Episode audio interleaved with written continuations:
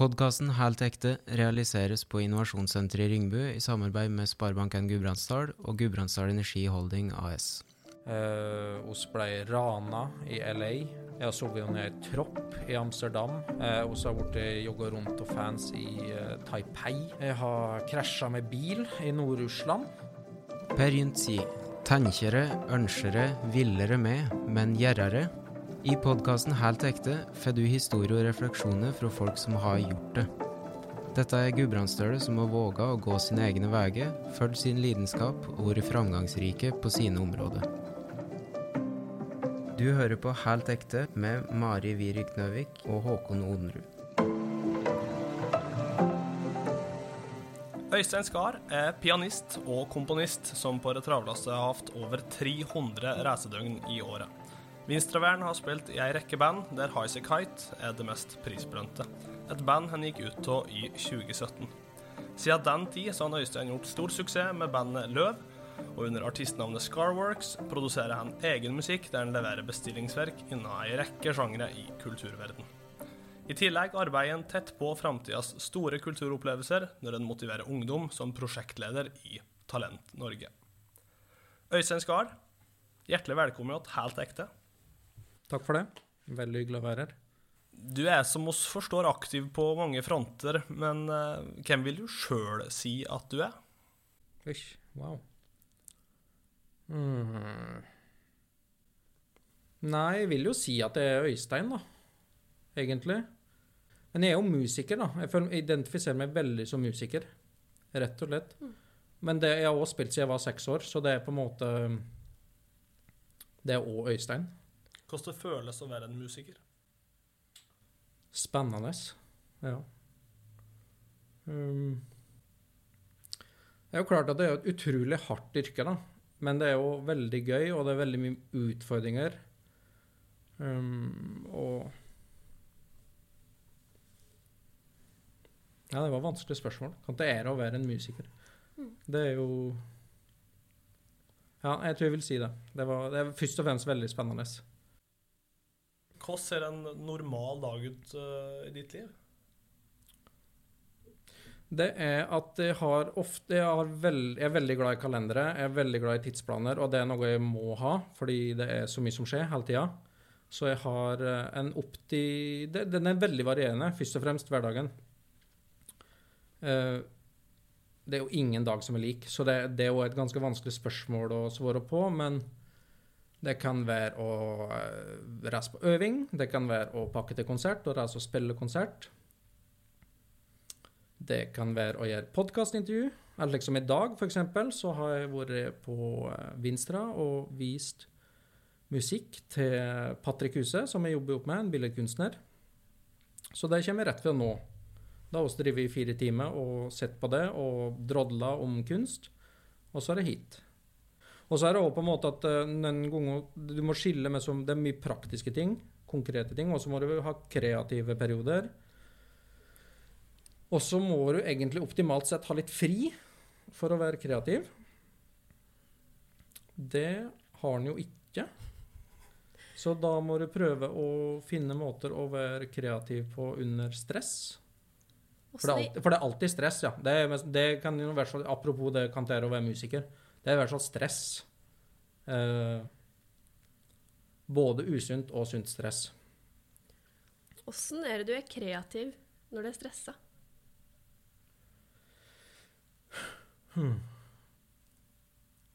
Jeg tror en, eh, en skill du har lært deg over mange år. um, du må være flink til å skru av ting i hodet. Andre ting. Min, eh, jeg har meditert en del, så det er på en måte Jeg har mye verktøy fra det, rett og slett. På en måte det med å Og ikke minst konsertet. Og jeg legger at du må med som uh, skru av ting og gjøre en ting. Så det er vanskelig med som å si en oppskrift eh, på det. For det er så individuelt òg, egentlig. Hvor er det du helst mediterer? Bare pust. Mm. Rett og slett sett meg ned og puste. Hvor som helst? Hvor som helst. På fly, tog. Eh, Når, du skal en plass, eller mm, Ja, absolutt. I bilen, f.eks. Og så har jeg jo på en måte sett inn i kalenderen f.eks. å være kreativ. Ja, hvordan å tidsfeste det? Sett det inn i kalenderen. Og jeg prøver å dele opp alle prosesser så detaljert som jeg kan, eh, for å se at jeg har tid til alt, på en måte. For det å, men som å logge musikk, det, det er jo én ting, men det er jo en veldig liten del av jobben, da. Det skal, hvert fall hvis du skal involvere andre, må du møte det. Du skal kanskje ha cover, du skal ha musikkvideo, du skal ha merch, du skal ha klær på scenen, du skal ha lys. Uh, skal du ha pressetekst, det skal du ha. Du skal ha Spotify-tekst, du skal ha Spotify-profilbilde. Engelsk tekst. Eng, dette skal være på engelsk òg, ikke sant? Bla, bla, bla. Uh, og alt dette må en jo gjøre, da. Eller få noen andre til å gjøre, eller et eller annet. Det må i hvert fall bli gjort. Så vi prøver prøve å bryte opp alle ting, da. Så den kalenderen er ganske brutal, da. Hva er det du liker best av, best av de tinga der? Altså Nei, det er å logge musikken. Mm. Definitivt. Mm.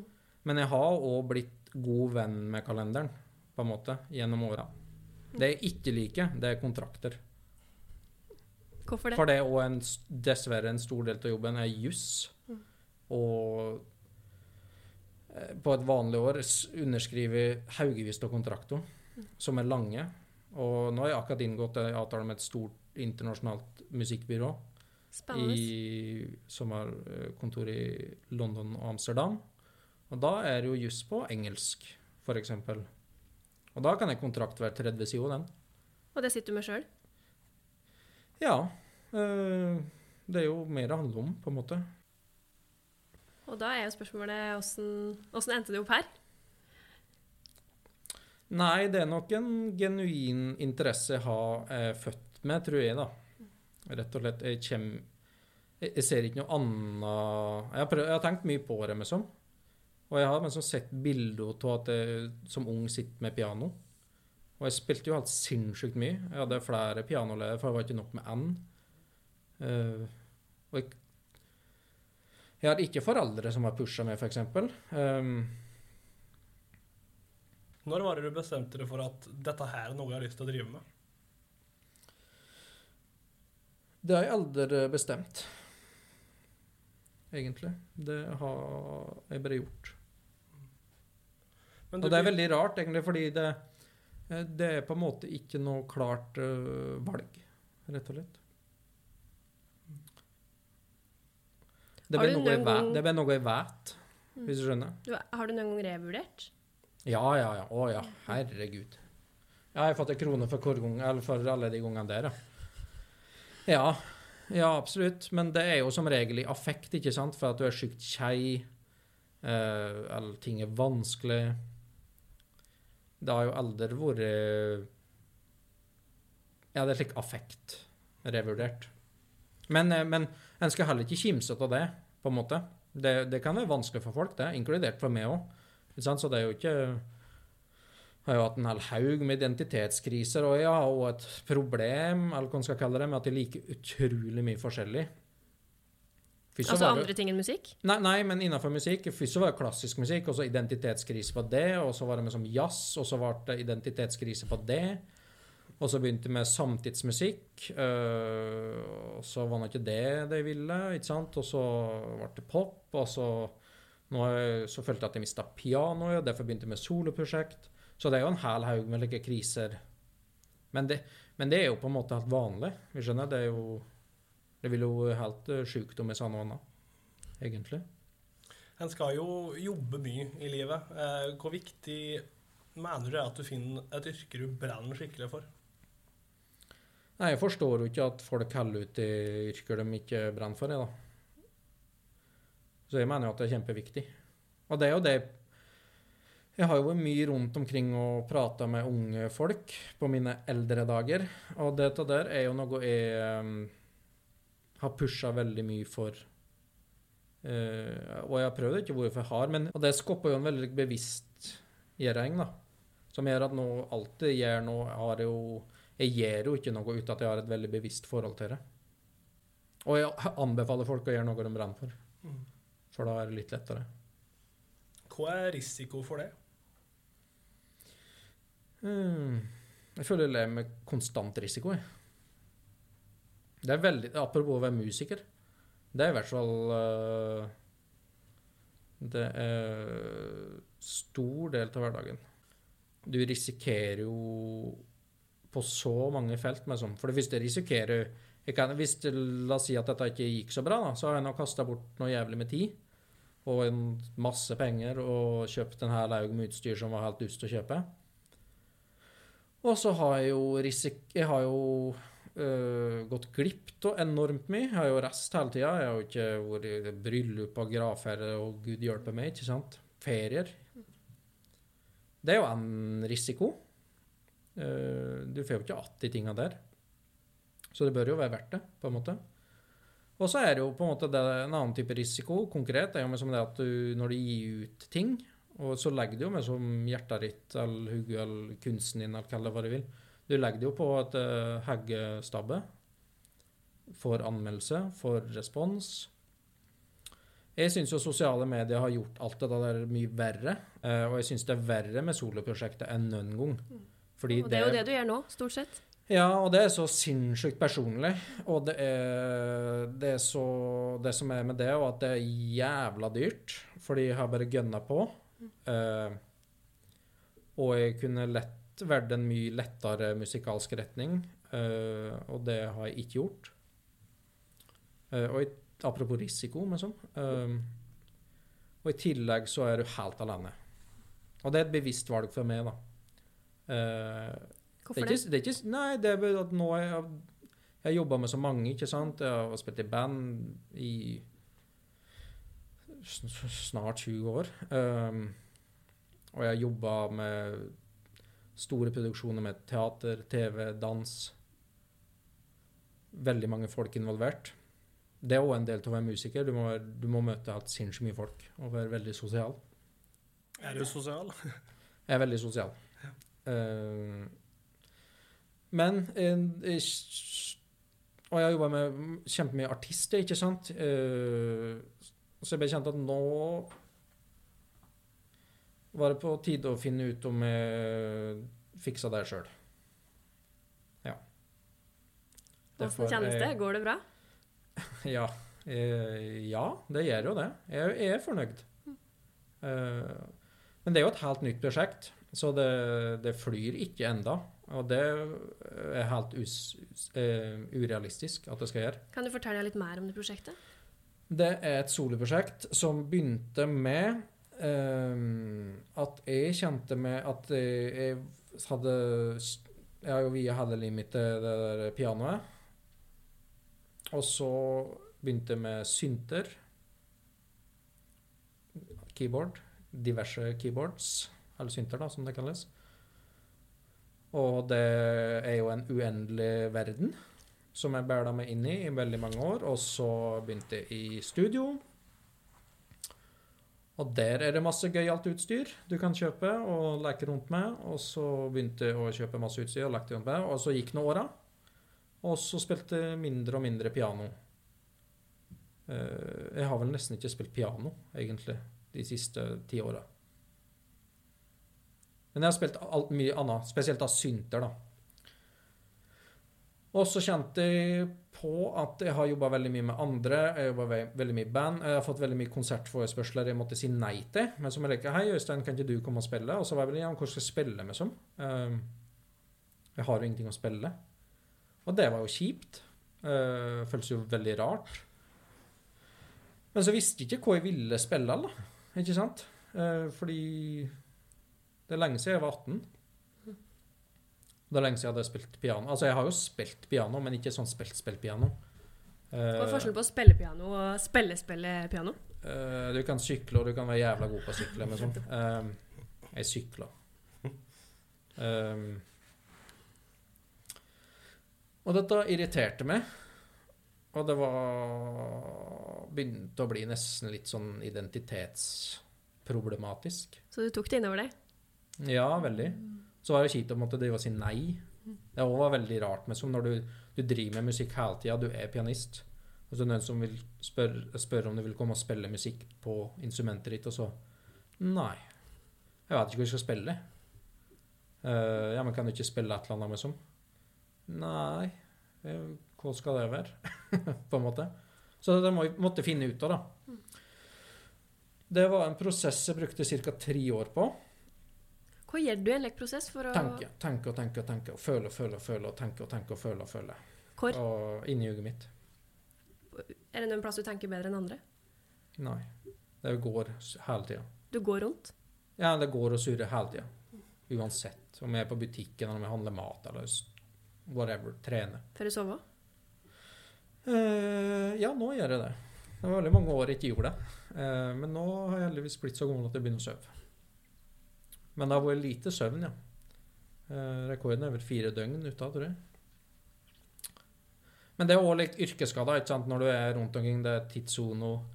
Eh, du er ferdig på jobb klokka to, og du skal på flyplassen klokka seks. Eh, du er fullt av adrenalin eh, etter konsert. Det er ganske mye like fysiologiske ting, da som blir litt kjørt av den livsstilen. Som går utover søvn, så klart. Men dette det går og surrer hele tida. Nå òg? Akkurat nå? Ikke akkurat nå, men sikkert rett etterpå. Ja. Så det er en slik eh, Det er veldig rart, egentlig. Kanskje litt unormalt. For folk som ikke Som har mer enn jobb og et tydeligere skille på jobb og fritid, da. Mm. Det skillet har ikke. Er det mulig å ha det som, som musiker i det Ja hele tatt? det, det er noen som får det til. Um, absolutt. Det er ofte når du blir litt mer opp i åra, så blir du litt flinkere til det. Jeg har f.eks. blitt flinkere til å ta ferie. Uh, Og da har du ferie? ja, men, før, men, det, men det er jo en av de positive tingene med å ikke spille i et band som Highasakite. da. At du kan faktisk ha ferie. Uh, så jeg hadde jo første ferien i forfjor, tror jeg. Første ferien noen Siden jeg liksom husker Siden jeg husker det. Eller. hva, Ja. hva gjorde du da? Nei, det er òg apropos yrkesskade. Når du har eh, ferie, da, så da eh, vil du jo ikke gjøre noe som helst. da. Det er òg som veldig motsatt av andre folk. ikke sant? Folk vil reise. Det siste jeg vil, er å reise. Og det er jo eh, kjipt for samboeren min, f.eks. Som da ser veldig fram til en ferie og har lyst på å reise. Men jeg kommer jo rett fra Gardermoen, så jeg har jo sjukt lyst på å ikke reise.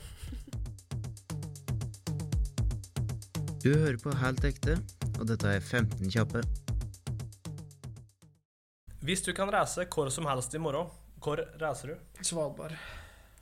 Hva er det beste komplimentet du har fått? Oh, wow. Uh, at det er hyggelig. Er du A- eller B-menneske? A jeg har ingen. C. Du kan tilbringe en hel dag med hvem som helst person. Hvem har det blitt? John Hopkins, engelsk musiker. Nevn tre ting du ikke kan leve uten. Kaffe, musikk og hytta. Favorittfilm? Interstellar. Dårligste egenskap? Sur om morgenen. Favorittplass i Gudbrandsdalen? Hytta. Nei, Rondane, Setra. Ville du hatt en høglytt eller nysgjerrig nabo? Nysgjerrig. Hoppe i fallskjerm eller gå Birken på ski? Fallskjerm. Eta ute eller eta hjemme? Ute. Vin eller øl? Øl. Støtt 20 minutter for tidlig ute eller støtt 20 minutter for sen? Alltid for tidlig ute. Vaske gulv eller skifte dekk? Vaske gulv. New York eller Rondane? Uh. I lys av pandemien, si New York. Hvis ikke hadde vært pandemi, Rondane.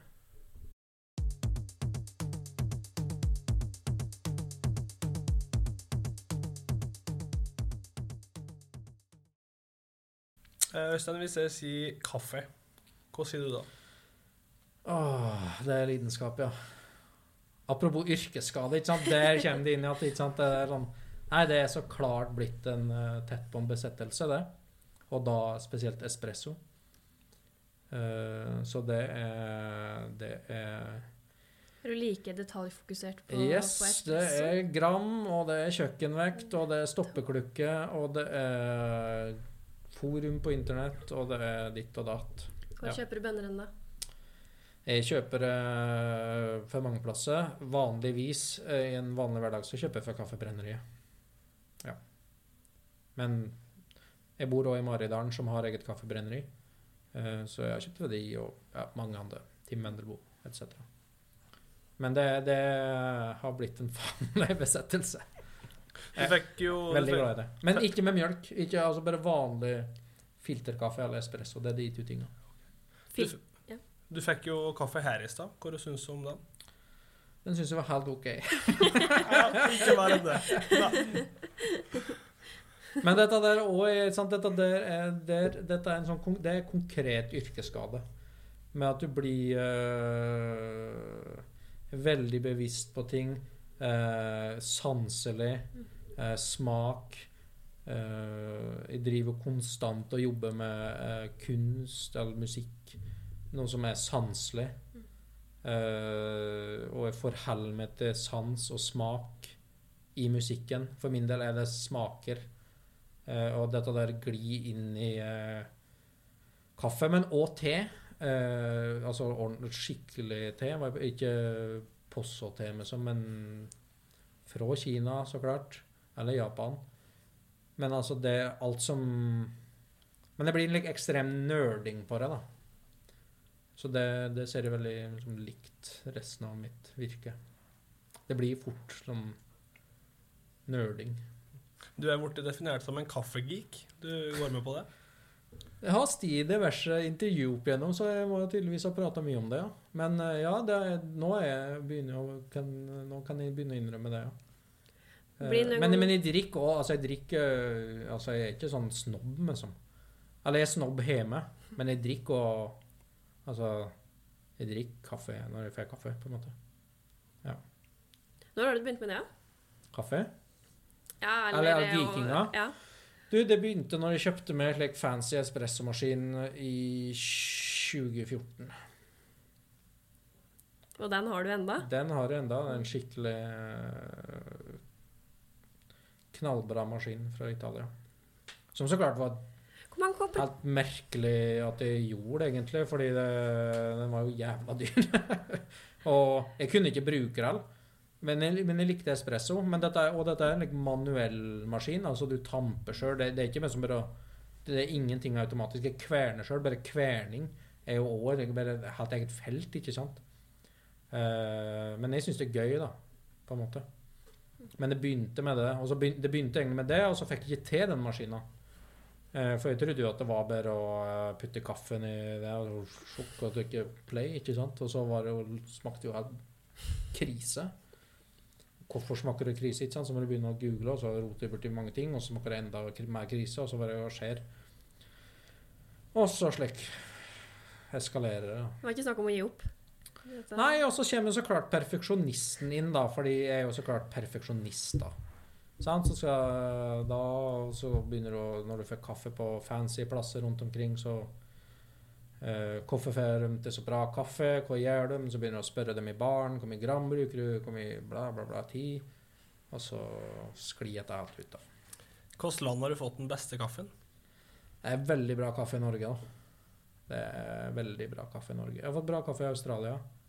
Og jeg har fått øh, det, det, det er jo god kaffe mange plasser nå. Jo, men Norge har veldig bra kaffe, faktisk. Begynner å komme mange fine plasser nå. Rett og slett. Ja. Mm.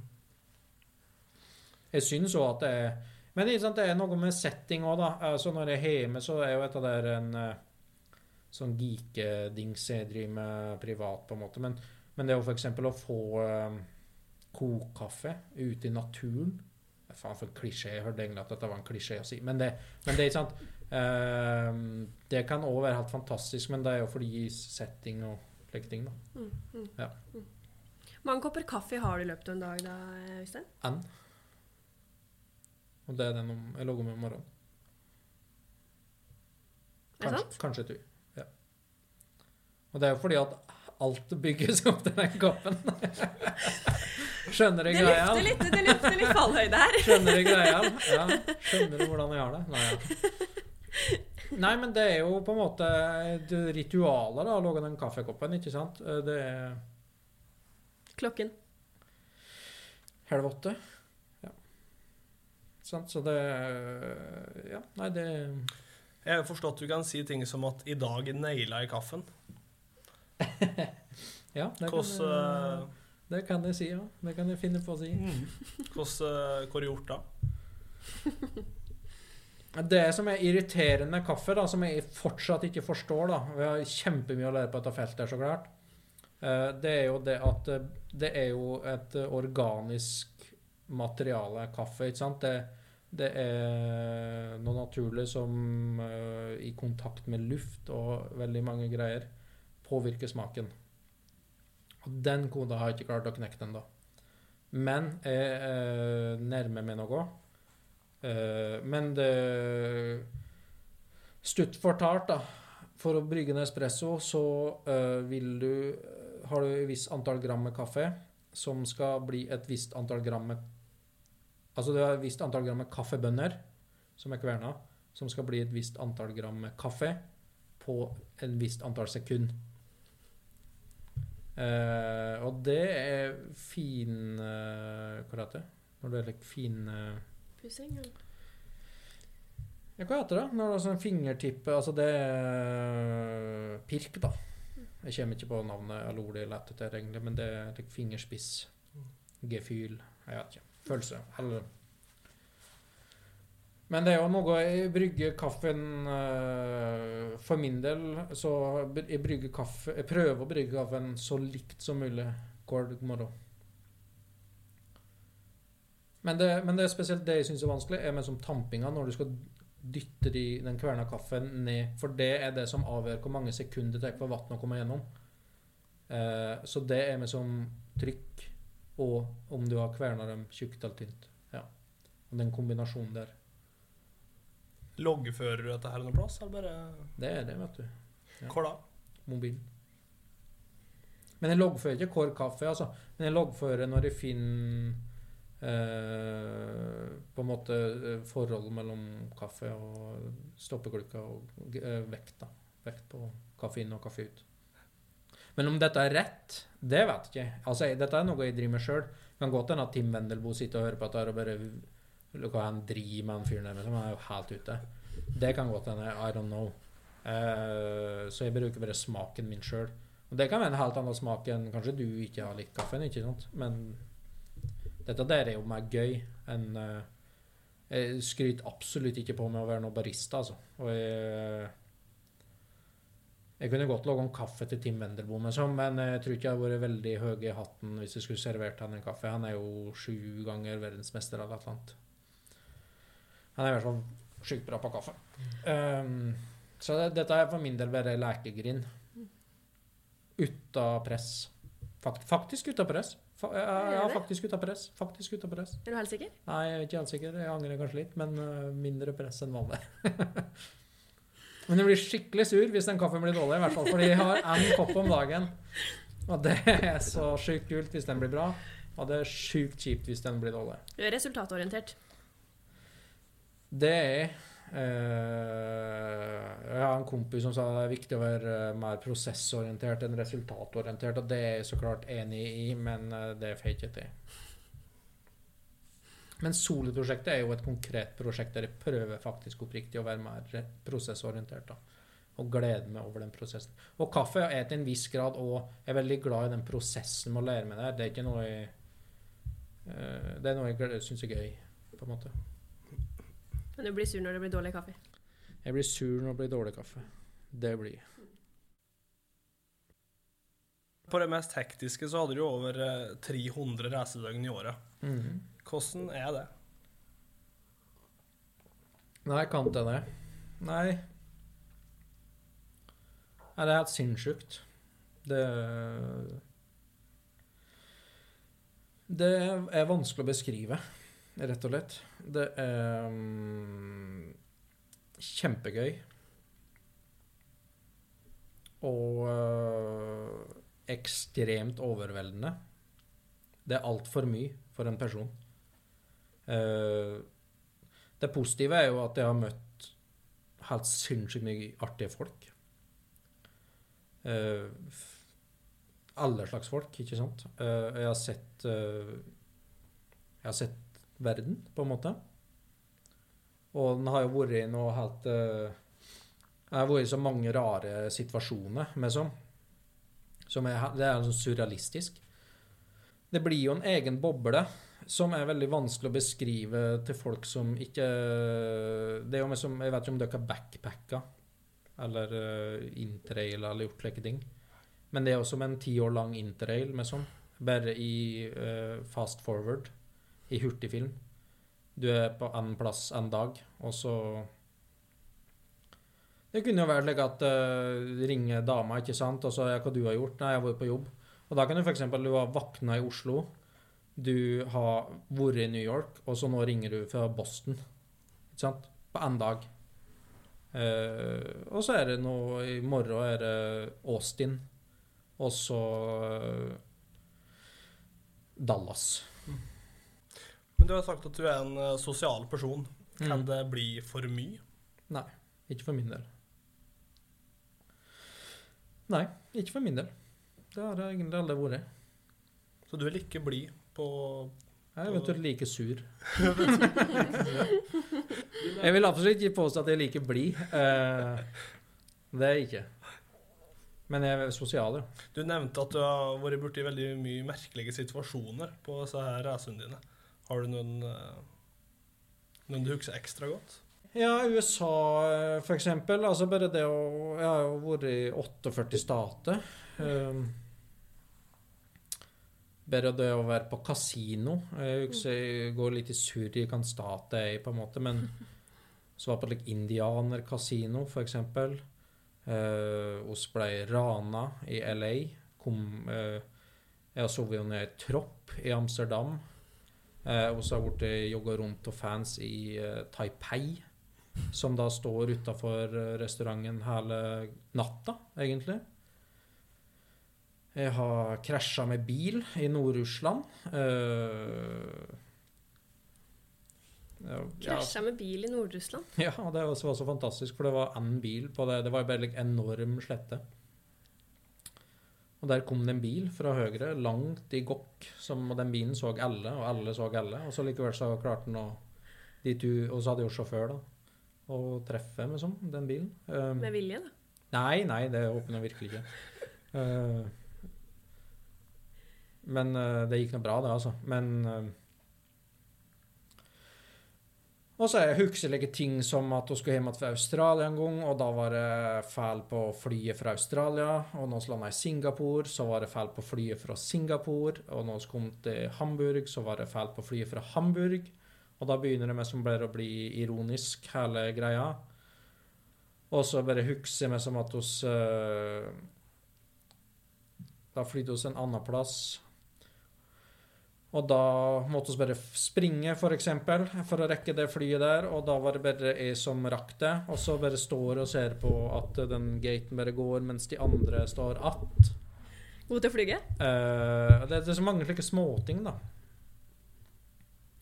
Som er bare rare situasjoner.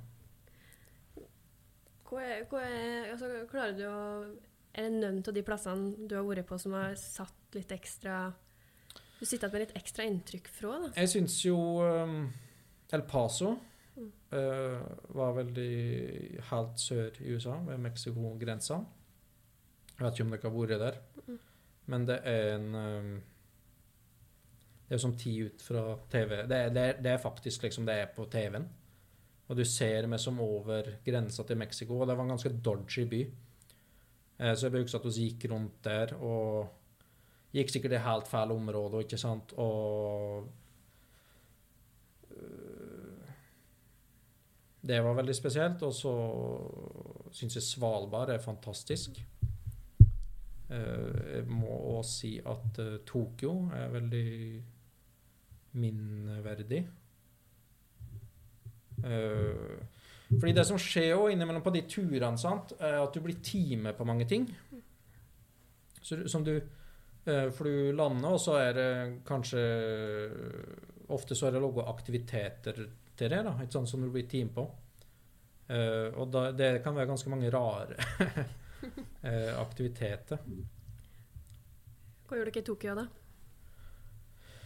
Nei, jeg husker f.eks. at hun satt og et uh, Et noe som var veldig godt. Uh, satt på like, Du sitter på bakken på like, lukket bord, ikke sant, og så satt og et et eller annet slushaktig. Uh, som alle syntes var kjempegodt, og ingen ante hva var. Og så var det en som kommenterte at det var sjukt godt, og så uh, Jeg hva opp med som, og så Ja, nei, det er levende fisk, da. Og så sitter du i litt dunkel belysning, og så ser du liksom ned i koppen, og så ser du at det er kjempemange øyne som bare svømmer rundt og ser på det. Og så bare Ja. OK, takk for meg. Men fortell oss om eh, altså Du har spilt konserter rundt omkring i, i hele verden.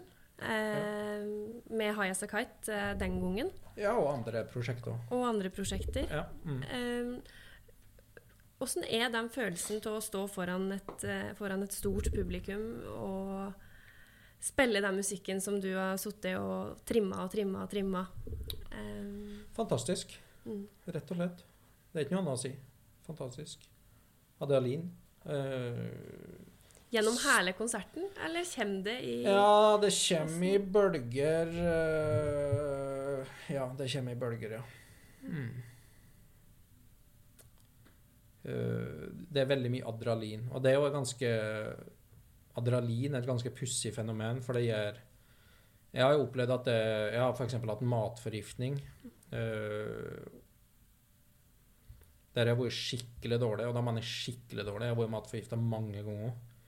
Uh, så jeg har, jeg har du, du kan ha ulike grader til matforgifting.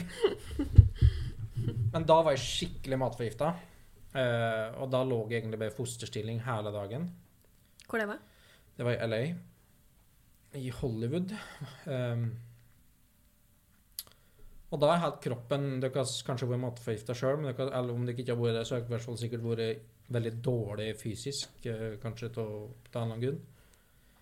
Eh, da, da er det jo litt sånn Uansett hvor, hvor du, kan med, som ikke tenker deg frisk uansett hvor mye du prøver. Men når konserten nærmer seg, ca. en time før, da øh, kommer Adeline. En time før, ja. Ja, ca. en time før. Um, Så du bestemte det da nei, det, det be- bestemmer du ikke. Det er bare spille konsert sjøl om du Ja, det er ikke noe valg.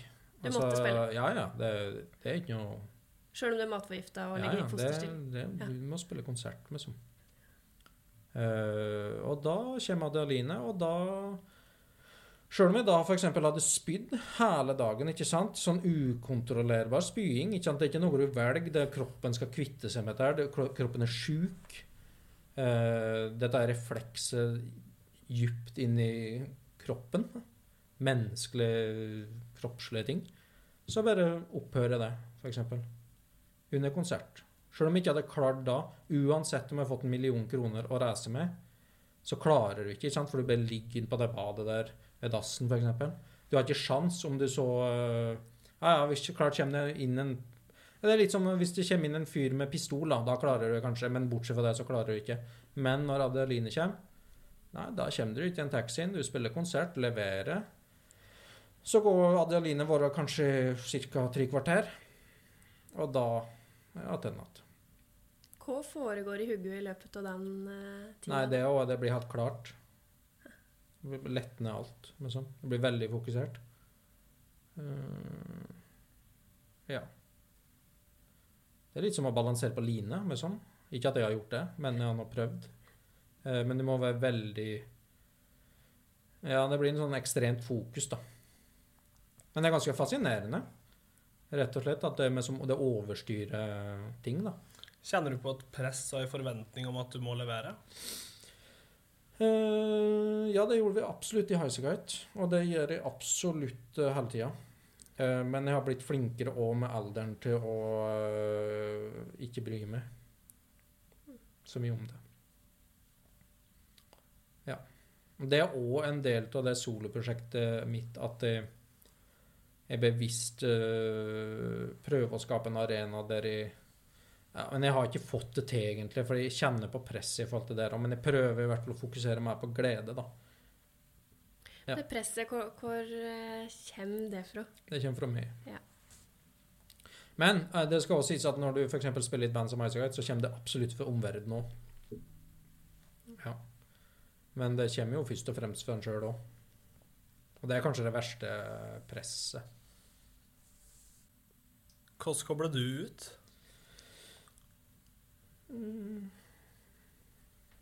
Nei, Jeg er veldig glad i spa, da.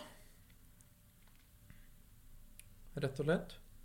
Eh, Noe som ikke er ikke en typisk spa-fyr. Så det er veldig rart at det er som eh, Jeg er ikke glad i å svømme, f.eks. Jeg er heller ikke glad i badstue, egentlig. Men eh, jeg tror liksom den spa-greia kom litt eh, i forbindelse med meditasjon.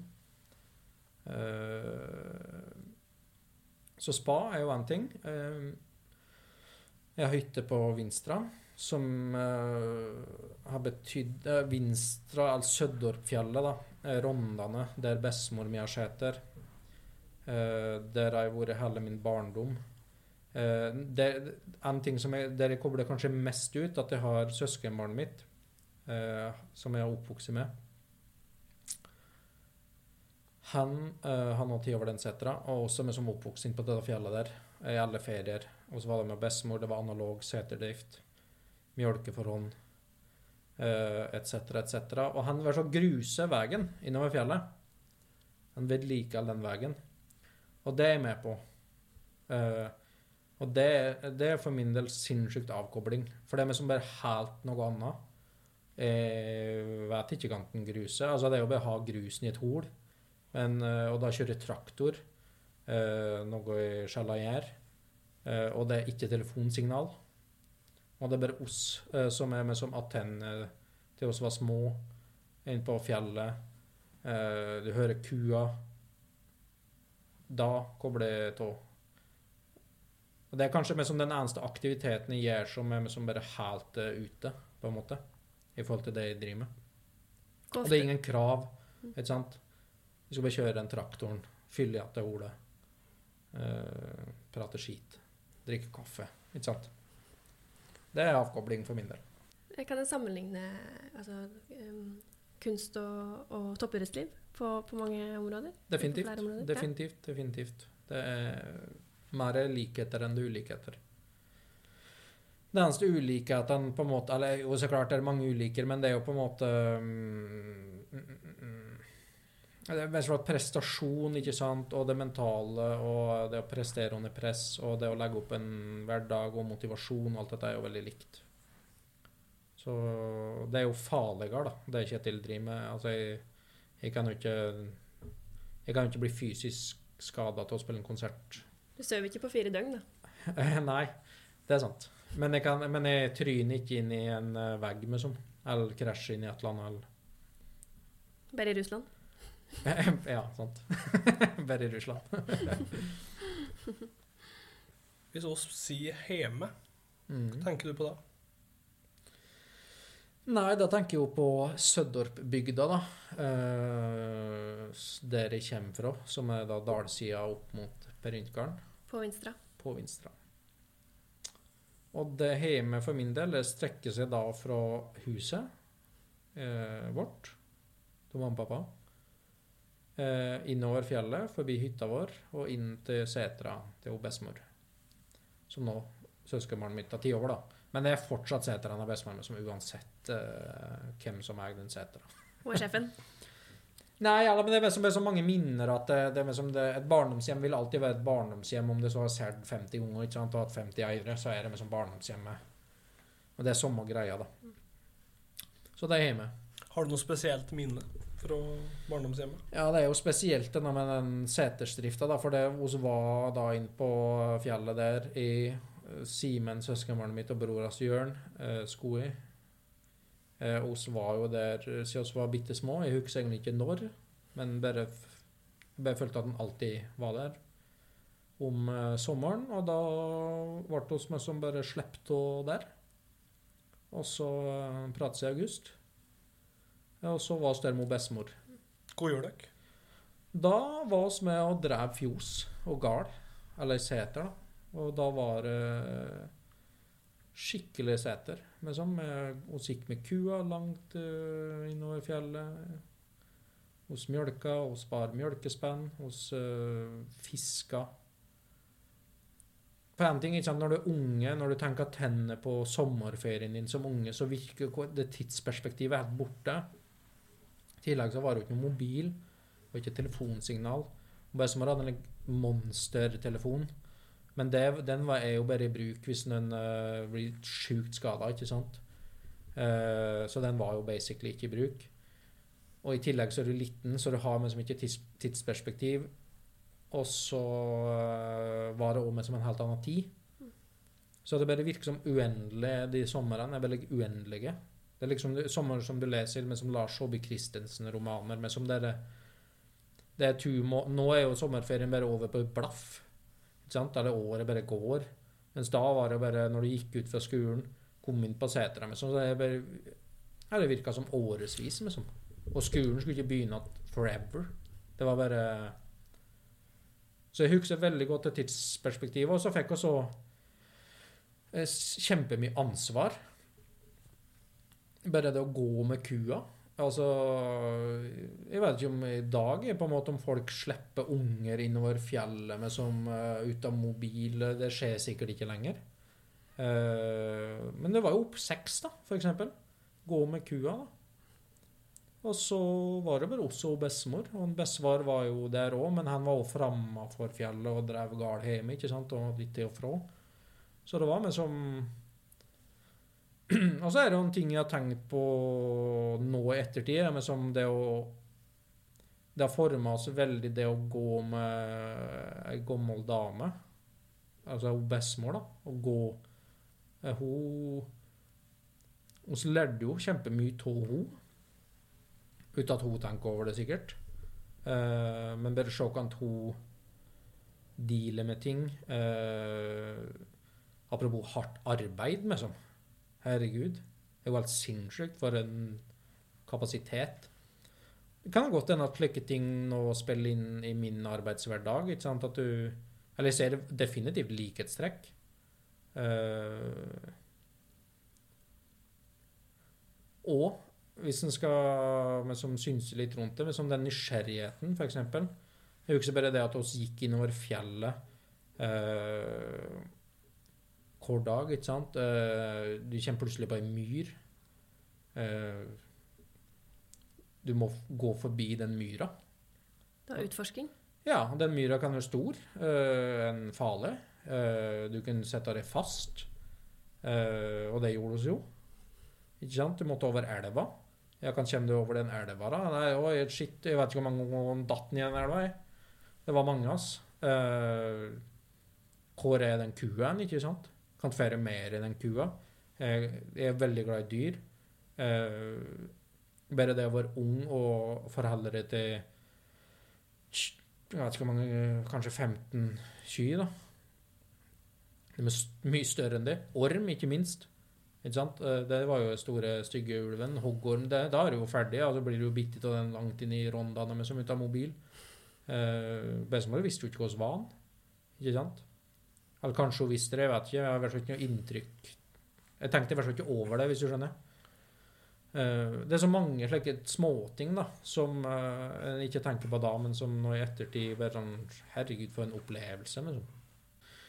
Og jeg syns også på en måte at for min del så har det òg vært en enorm forankring, da. eh, På en måte opp imot det der jetset-livet, ikke sant, på flyplasser og gallamiddager og Nobels fredspris og blad Eh, Så er det med som bare når du har en like der eh, den i bånn, da, så er den er så tung. Formende. Ja. Du Det, ja. Og veldig bra, syns jeg, da. Eller veldig mange bra verdier hos lærde. Uh, på kjempemange områder, ikke sant. Både sosialt, men òg igjen i forhold til f.eks. dyr. I forhold til ja, bare, det at du må eh, Du må faktisk arbeide for at dette her skal gå rundt. Eh, og hvis du ikke arbeider, så går det ikke rundt. Og du har ikke så mye valg. Du kan ikke liksom bare drite i den kua, liksom. Eh, den må inn, den. Helst i live, og du bør helst være i live, og ja, slike, ting, da. På hvilket vis har denne oppveksten vært med å forme deg? Nei, det er vel egentlig på de tinga der. Uh, og så er jeg òg veldig glad for at jeg har foreldre som uh, Eldre heller har på en måte titå, hvis du skjønner hva jeg mener. Altså de, eller jeg har ei slekt som på en måte uh, så klart har brydd seg, det er ikke det jeg sier. Men alltid når jeg, når jeg har vært hjemme, så prater vi om helt vanlige ting. Uh, prater ikke om highskite, prater ikke om konserter. Uh, ja. Det er òg veldig fornuftig, syns jeg. For det, det, det, er så enormt Apropos med sånn det livet en har levd, da, på en måte, det er så enormt trykk på uh, Det er så sinnssykt med sånn mentalt trykk at du kan fort sånn miste deg sjøl. Du kan uh, miste Eller du kan miste veldig mange ting. Så det er vel sånn jeg opplever det. Så det med å ha en like, forankring eh, Veldig sunt å være med vanlige folk som ikke bryr seg om de greiene der. Sjøl om jeg vet de så klart bryr seg, det er jo ikke det det handler om. da. Eh, og stolte og etc. Men det er med som å bare prate om helt vanlige ting. Mm. Det er veldig bra. I tillegg til soloprosjektet ditt og at du spiller i Løv, så er du òg prosjektleder i Talent Norge. Ja. Der du arbeider tett på uh, talentfulle ungdommer. og Hvordan uh, er det? Du, det er sinnssykt interessant. Og apropos samarbeider jo tett med Olympiatoppen, uh, eh, f.eks. Uh, og har mye samlinger i hop med de. Uh, flere av de talentene jeg jobber tett på, trener der, uh, har coacher. Uh, jobber veldig mye med um, kunnskapsinnhenting i forhold til prestasjon, da. Uh, kan prestere en. Uh, kan uh, og, alt dette rundt oss har prata om, ikke sant, med sånn psyken, holde seg fysisk i form. Uh, deale med forskjellige ting og tang som dukker opp i livet. Det syns men fra et musikkperspektiv? Nei, nei, fra et kun, kunstperspektiv. Da. Det er ikke bare, jeg jobber jo naturlig nok veldig mye med musikk, da. Men det er egentlig film, dans og samarbeid med Nasjonalballetten. Det er klassisk musikk, uh, Oslo-filharmonien. Men det er òg film, som det sa jeg. Uh, alle disipliner, egentlig. Så det er veldig En utrolig spennende plass. Uh, og det er veldig, veldig flinke Jeg vet med så mye talent jeg vet Det er liksom et rart ord egentlig å bruke på dem, for de er jo, de er jo profesjonelle de luxe. Internasjonale stjerner, flere av dem, ikke sant. Så det er jo Men det jeg syns er kult eller, Det er veldig mange ting jeg syns er kult, men vi eh, har jo f.eks. sju coacher eh, på høyt internasjonalt nivå det å liksom jobbe ihop med de, er jo veldig Jeg lærer jo masse av det. Så det, jeg føler jo at jeg lærer så mye sjøl uh, i tillegg, da. Hva er det som inspirerer deg? Nei, det er jo musikk, da. Uh, jeg blir veldig inspirert av å høre annen musikk. Uh, men jeg blir generelt inspirert av kunst. Det kan være film òg, det kan være bok. Vi hadde med en franskmann som er heter Arnaud, eh, som er da sjef for et uh, av verdens største musikkbyråer. Uh, blant annet med, han har Justin Bieber og etc., etc. Men han er uh, Han var ansvarlig for Bataclan-konserten. Terrorangrepet i Paris. Han ble skutt under den konserten. Eh, og han prata da om eh, det å komme tilbake. Hele hans fem år nå, fem eller seks år, de har rehabilitert seg psykisk. Og han har dykka veldig ned i den prosessen, og han eh, deala helt vilt imponerende med det der. Og han òg jobba seg attennat, og, eh, og, og bare det, ikke sant Slike opplevelser har han da har med Talent Norge, da, for eksempel. Da. Gjennom et liv og ei karriere så er det jo både mange opp- og nedturer. Ja, ja, ja. Hva er det tyngste og kanskje mest utfordrende du har vært borti?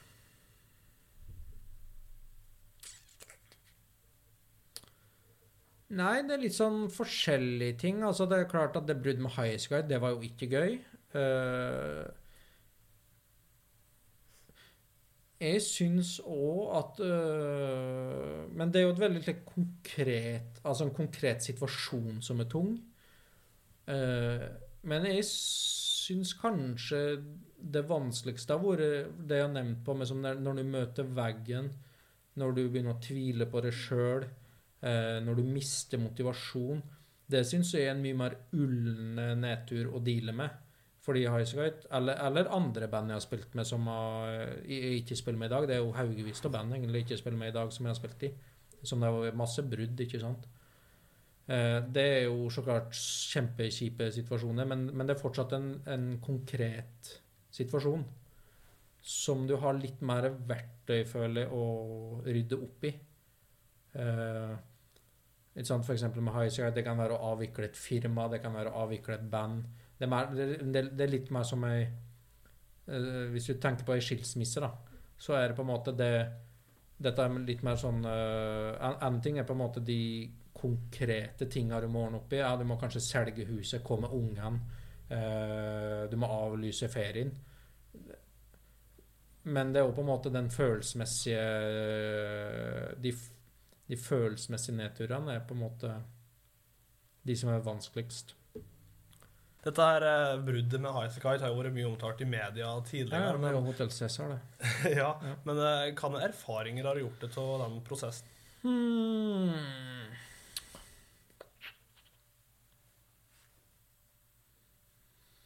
Nei, det er nok kanskje Det er jo et sjukt kjedelig, klisjéfylt svar, da, men det er jo på en måte å sette pris på det som er her og nå. Uh, at det er viktig å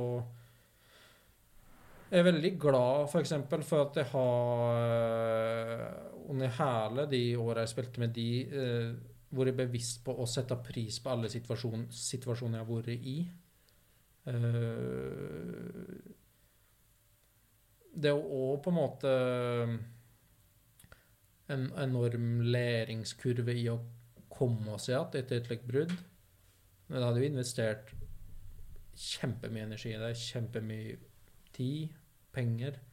Eh, det også var venner, ikke sant, bla, bla, bla. Eh, og igjen med sånn like, OK, hva gjør nå? Kan egenskaper tenker du blir viktig framover i musikkbransjen? Gud hjelpe meg. Nei, jeg, jeg syns det er vanskelig å svare på, for jeg syns hele bransjen og Det er en rar tid. Så det er i hvert fall viktig at folk har hele motivasjonen sin oppe til, å, til ting normaliserer seg. Eh, Så folk må jobbe med motivasjonen sin, tenker jeg. Eller jeg vet det på en måte at folk må gjøre, fordi det, jeg prater jo med kollegaer hele tida. Så det er vel kanskje akkurat eh, i disse dager er vel det veldig viktig. Litt ut fra, litt ut fra musikkverden eh, og inn i Gudbrandsdalen. Mm. Eh, unge gudbrandsdøler. Mm. Eh, har, du, har du, som, som jo har absolutt eh, gjort store ting utafor Gudbrandsdalen, men som jo er fra Gudbrandsdalen, Ja. har du gjort deg noen refleksjoner rundt, rundt uh, unge gu- gudbrandsdøler, og om du har noen gode råd, f.eks. du kunne tenke du gitt dem? Hva skal til for å tørres å følge en lidenskap som en eh, Jeg tror liksom det, eh, det kjipeste med Gudbrandsdalen kontra f.eks. Oslo, da, eller andre urbanere strøk, er på en måte det at uh, det er ikke sikkert du har så mange å Slik som jeg, da, som det med klassisk musikk, f.eks., eller, eller andre smale ting. Det er jo ikke alltid at det er så stort miljø, ikke sant? Det er vanskelig. Eh, så, men det er jo noe med å tørre å drive på med det. For det. Det er jo på en måte mitt viktigste råd.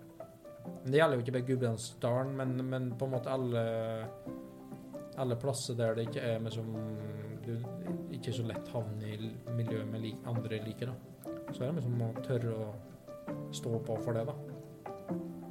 Da skal vi vel egentlig bare si tusen takk, eh, Øystein, for at du har tid til tid, og for at du kom Ottos, oss i Helt ekte. Takk for at jeg fikk komme. Det var hyggelig.